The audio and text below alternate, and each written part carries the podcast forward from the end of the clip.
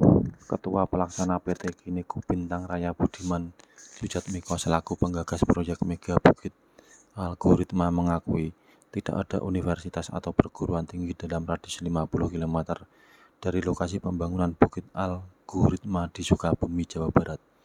Selain itu, infrastruktur juga dikatakan belum memadai.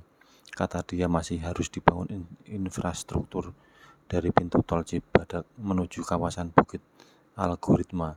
Saat ini, untuk mencapai lokasi menggunakan mobil pribadi dibutuhkan sekitar dua setengah jam dari daerah Tebet, Jakarta Selatan. Walau mengakui lokasi yang dipilih jauh dari akses perguruan tinggi, pusat penelitian hingga kawasan industri, Budiman mengklaim hal ini tidak menjadi masalah.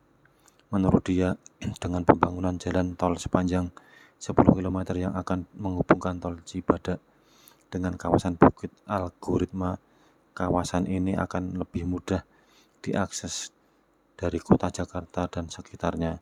Selain itu, ia menyebut pihaknya juga menawarkan lahan gratis seluas 25 km untuk masing-masing universitas yang ingin mengembangkan pusat risetnya.